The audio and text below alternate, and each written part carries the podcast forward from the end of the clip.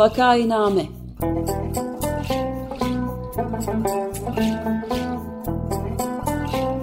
Salgın günlerinde memleket manzaraları. Hazırlayan ve sunanlar Güven Güzeldere, Ömer Madra ve Özlem Tekin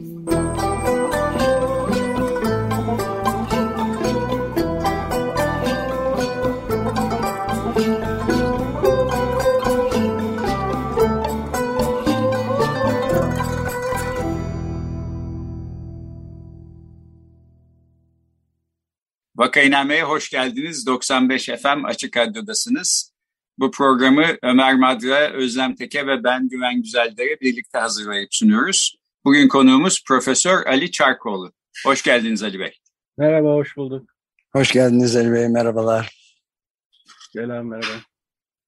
Merhabalar, ee, konuğumuz Profesör Doktor Ali Çarkoğlu, Halden Koç Üniversitesi Uluslararası İlişkiler Bölümünde öğretim üyesidir. Daha önce Boğaziçi Üniversitesi ve Sabancı Üniversitesi'nde yine öğretim üyesi olarak çalışmıştır.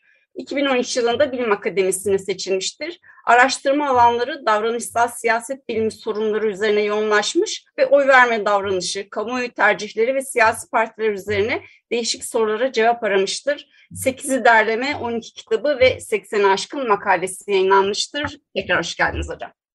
Merhaba.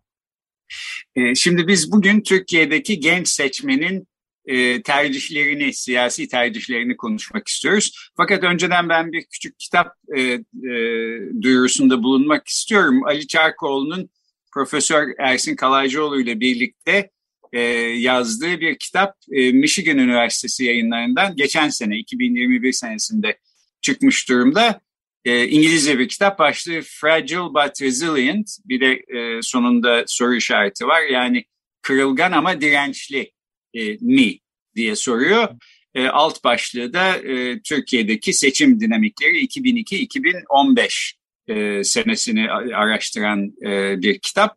Şimdi bugünkü konumuzda aslında kısmen buna bağlanıyor. Çünkü e, birkaç hafta önce bir gazete e, söyleşisinde e, ben e, Ali Bey'in şöyle dediğine rastladım. Yaptıkları bir araştırma gösteriyor ki Türkiye'deki genç seçmenler Z kuşağı denilen insanlar yani belki ilk kez oy kullanacak olanlar 20 yaşlarının başlarında olan e, gençler düşünenin aksine e, Ali Bey'in yaptığı çalışmalardaki ölçümlere göre e, aslında çok ilerici e, seçmenler değiller. Muhafazakar eğilimleri var.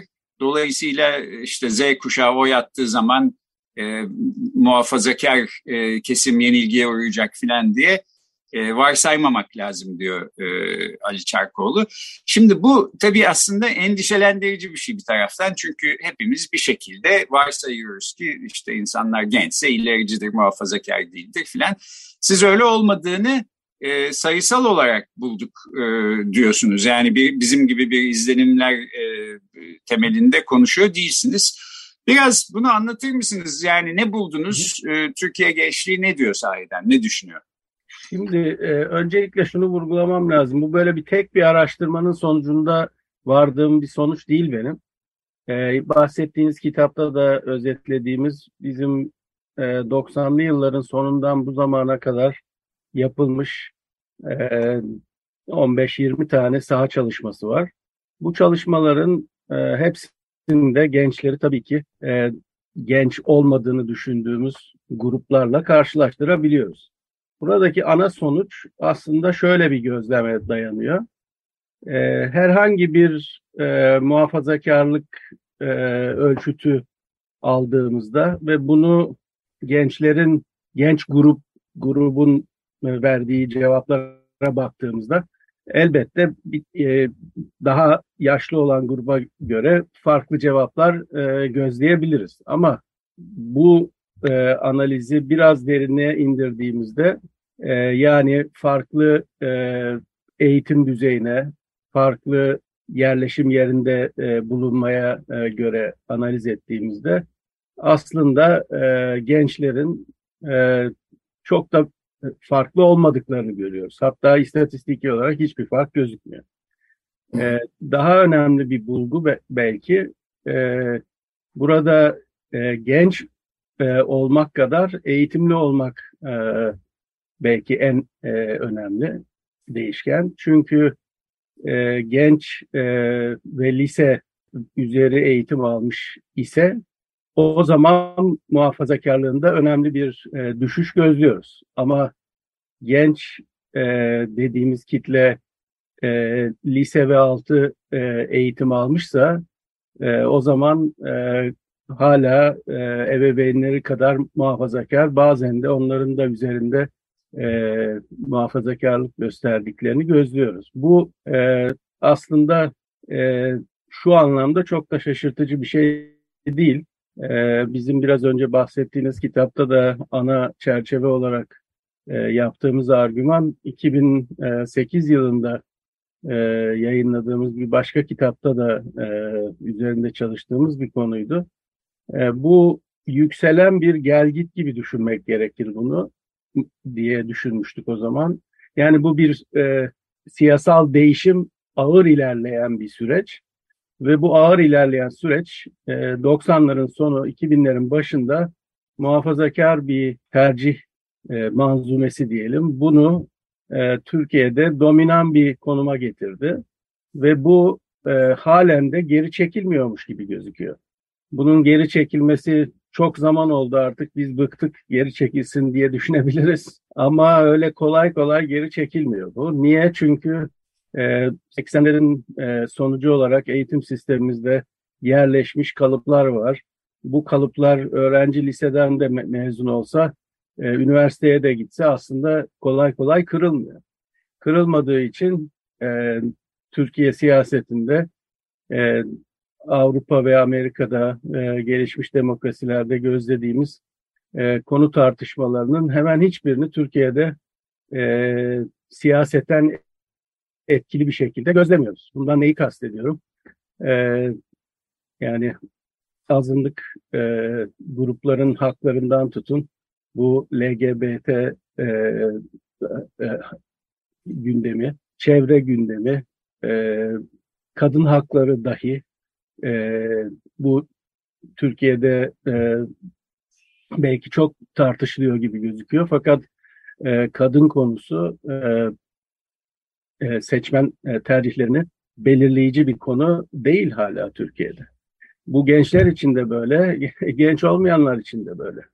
E, oysa e, yani Batı demokrasilerine baktığınız zaman bu tartışmalardır e, gündemi belirleyen ve siyaseti e, taşıyan tartışmalar. Bu tartışmaların hiçbir tanesi Türkiye'de yapılmıyor. Ve yapılmadığı zaman da e, bunun nedeni aslında genç e, grubun da e, bu değerlere aslında kalben biraz uzak olmasıdır. E, muhafazakarlık e, derken muhafazakarlığın kriterleri olarak neleri belirliyor, belirliyorsunuz Ali Bey?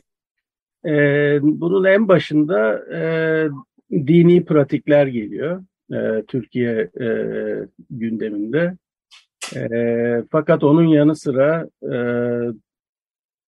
herhangi bir sıradan insana olan güven, e, tolerans, farklı gruplara olan e, e, hoşgörü, e, bunların hepsi e, muhafazakarlıkla e, kimi zaman pozitif, kimi zaman negatif e, e, korelasyon halinde. Örneğin e, hoşgörüsüzlük, muhafazakarlıkla e, doğrudan e, yüksek korelasyon gösteren bir e, göstergedir.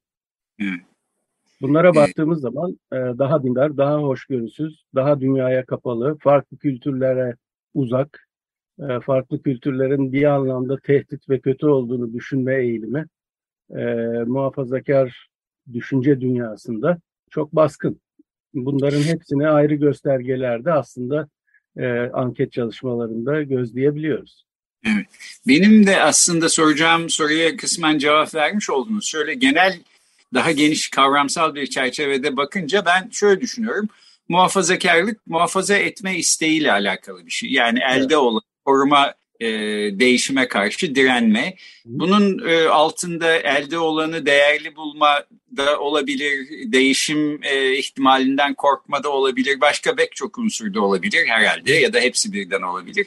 Sizce burada muhafazakar olan gençler neyi muhafaza etmek istiyorlar ya da niye e, muhafazakarlar bir korkudan mı büyük ölçüde kaynaklanıyor yoksa eldekilerinin çok değerli olduğunu düşündüklerinden mi nedir sebebi? Yani burada muhafaza etmekten ziyade e, gündemin e, konularında karşı kampın görüşlerini benimseme ve onu onu tehdit olarak e, görme eğilimi var. E, benim kanaatim e, e, bu da bir nostalji duygusu da çok önemli bir e, yer e, e, alıyor. E, yani geçmişte olanın e, Osmanlı geleneği örneğin e, şimdi bu televizyon dizilerinde falan da çok e, kaşınan bir şey bu. Ne kadar var olduğu, ne kadar tarihsel bir gerçeklik olduğu çok tartışma götürür bir şey olmasına rağmen bunlar tamamen e, gerçekmiş gibi varsayılarak aslında e, yeni bir e, geçmişi e, yüceltme duygusu e, Cumhuriyet geleneklerini ve Cumhuriyet sonrası tecrübeyi tamamıyla e, dışlama e, eğilimiyle öne çıkıyor. Bizdeki muhafazakarlığın bence e, gündelik siyasete en doğrudan yansıyan e, tarafı bu. E, bir de tabii gelen taleplere tamamıyla hayır deme eğilim var. Yani bu e, İstanbul e, Sözleşmesi'nin reddine e, ya da e, Ayasofya'nın ibadete açılmasına kadar varan bir, bir hassasiyetler e, kümesi olarak gündemi e, e, gündemi domine ediyor bu görüş. Ben çok küçük bir soru daha sorabilir miyim? Özlem Hanım'la e, Ömer Bey'in de eminim soruları var ama peki bu burada böyle bir trend varsa bu son zamanlarda gözlenen bir şey mi? Yani 2002'den itibaren e, mi yükseldi? Çünkü mevcut iktidarın bu tür bir gençlik üzerinde, gençlik zihniyeti üzerinde böyle bir dönüşümü çok arzuladığını ve bu konuda çok çalıştığını biliyoruz. Yani iktidarın bu yaptıklarında aslında e, düşündüğümüzden daha başarılı olduğunu mu buradan e, çıkartmalıyız? Şimdi iktidar tabii bunun e, aslında sonucu olan bir şey. Yani bu 80'lerde askeri rejimin getirdiği, eğitim sistemimize getirmiş olduğu değişimin e, meyvelerini e, yemiş durumda e, 2002'deki e, oluşan iktidar. E, yani şunu söyleyeyim, e, örneğin gençlerin oyunun en önemli olduğu seçim 95 seçimi olmuştur. Niye? Çünkü o seçim ilk defa e, seçim seç, seçime katılma yaşının 21'den 18'e indiği e, seçim olmuştu. E, ve o zaman hakikaten şimdiki iddialardan biri de o ya yani milyonlarca genç seçmen oy kullanacak. Hayır her seçimde e, birkaç milyon genç seçmen oy kullanıyor. Yani bu e, öyle çok seçim sonucunu e, etkilemesi için bu e, seçmenlerin tümünün gidip bir partiye oy vermesi lazım. Hep açıkçası ben e, 2002'den bu yana bütün e, seçim araştırmalarındaki e, veriyi incelediğim zaman o seçimlerde ilk defa oy kullanmış olan seçmeni tespit edebiliyoruz. Çünkü yaşlarını biliyoruz. Daha önceki seçimlerde oy kullanması imkansız olan seçmenlere baktığımız zaman onların herhangi bir partiye özellikle eğilim gösterdiklerini gözlemiyoruz. Bu seçimde niye göstersinler e, diye bir e, soru sormama da e, bu bulgu aslında e, neden oluyor. E, şimdi 95'teki seçimin sonucunu da hatırlarsak o seçimde en yüksek oyu e, e, Refah Partisi almıştı. Öyle değil mi? Saadet mi, Refah mıydı? Ama Refah olması lazım. Şimdi yani e, muhafazakar yükselişin de ilk adımı olarak e, görüyoruz biz onu. 95 arkasından 99 ve 2002'de AK Parti iktidar e, e, başladı. Şimdi e, dolayısıyla e, Türkiye'de e, gençlerin ağırlıklı olarak ilk defa katıldıkları seçimde aslında muhafazakar bir yükselişi de e, ilk defa gözledik. Burada e, farklı bir şey olmasını neden bekliyoruz? Çünkü genç seçmen aslında doğası gereği biraz daha kırılgan bir grup. Öğrenciler ve yeni kariyerine başlamış yaş grubundan bahsediyoruz. Bu grubun e, iktisadi krizden daha fazla etkilenmesi beklenebilir. E, fakat bu kısa dönemli bir değerlendirme. Halbuki uzun dönemli siyasal sosyalleşmesi bu e, grubun e, gayet muhafazakar bir ortam içerisinde e, gelişti. Şimdi ekonomik krizin değerlendirmesini de bu gözlüklerle, muhafazakar gözlüklerle yapıyorlar. Öyle olduğu için de yine beklenildiği gibi oylarını iktidar partisine değil muhalefete kaydırma ihtimalleri de bu nedenle daha aşağıya e, iniyor. E, dolayısıyla birçok faktör aynı anda e, beklenildiği kadar yüksek bir e, şekilde e, gençlerin muhalefete e, destek verip iktidarı değiştirme eğilimlerinin aslında e, gerçekleşmeyeceğini e, düşündürüyor bana. Ben o açıdan e, o e, görüşmede bu e, görüşü dile getirmiştim. Yani, ben de ufak bir şey sorabilir miyim? Ben e, yani bu son yıllarda bir yılı aşkın bir süreden beri gözlenen çok ciddi bir ekonomik kriz var sizin de sözünüzü ettiğiniz. Hatta uzun yıllardır görülmüş en önemli ekonomik e, buhran denebilecek durumun içinde olduğumuzu e, söylemek mümkün çeşitli değerlendirmelere göre. O zaman bu yeni oy kullanacak olan genç kitlesinin üzerinde şimdiye kadar daha önce pek fazla görülmemiş derecede etkili olacağı beklenen bu ekonomik krizin değiş, görüşlerini değiştirebileceği şeklinde yorum yapmak mümkün mü değil mi? Yani e, burada işte nasıl bir gözlük taktıkları çok önemli. Evet. E, yani taktıkları gözlük e, siyaseten takılan kullanılan gözlüklerin hiçbir tanesi renksiz gözlükler değiller. Kimisi pembe gözlüklerle bakıyor. Muhafazakar olanlar daha pembe gözlüklerle bakma eğilimindeler. Muhafazakar olmayan kitle içerisinde daha kara gözlüklerle e, e, dünyayı değerlendirme eğilimi e, hakim oluyor. Dolayısıyla buradaki ekonomik krizin gerçekliği tartışma götürmez bir gerçeklik de değil. Ben esas onu vurgulamak isterim. Yani bakış açınıza göre ve önceliklerinize göre siz krizin değerlendirmesinde çok farklı görüşler e, yaratabiliyorsunuz. Zaten e, partilerin kampanyasındaki en önemli unsurlardan birisi de bu farklılaşmayı e, yaratabilmek. E, yani ne yapıyorlar? E, muhalefet e, gelişebilecek e, en iyi en iyi gelişmeleri vurgulamak yerine e, her zaman kötü gelişmeleri vurguluyor. İktidar partisi ise e, her zaman pembe bir gözlükle baktırmaya çalışıyor e, insanları. Dolayısıyla krizin e, de e, yine bu e, hakim e, ideoloji e, çerçevesinde e, yorumlanması e, mümkün olacaktır diye düşünebiliriz. Şimdi peki ben de şunu sorayım. Mesela e, Mısır'da gençlerle konuştuğum zaman ya da Pakistanlı gençlerle konuştuğum zaman genellikle şöyle şeyler diyorum. Bizim ülkemiz dünyanın en güzel ülkesi, bizim yemeklerimiz dünyanın en güzel yemekleri, işte kültürümüz dünyanın en değerli kültürü filan. Yani bunu böyle canı gönülden bir şekilde e, ve büyük bir özgüvenle savunan bu gençlerin hem de bir taraftan görüyorum ki hemen hiçbiri kendi ülkeleri dışında bir yeri görmemişler. Yani dünyanın başka ülkelerinde ne yeniyor, ne içiliyor, nasıl yerlerde filan bunları bilmedikleri halde ya da belki bilmemeleri yüzünden bu kadar özgüvenle bu e, milliyetçi görüşü savunuyorlar. Dolayısıyla genç olmanın yalnızca kendi başına bir e, ilericilik e, getireceğini ben de düşünmüyorum. Bu konuda e, bana akla yatkın geliyor söyledikleriniz. Ama buradan şöyle bir soru belki çıkabilir.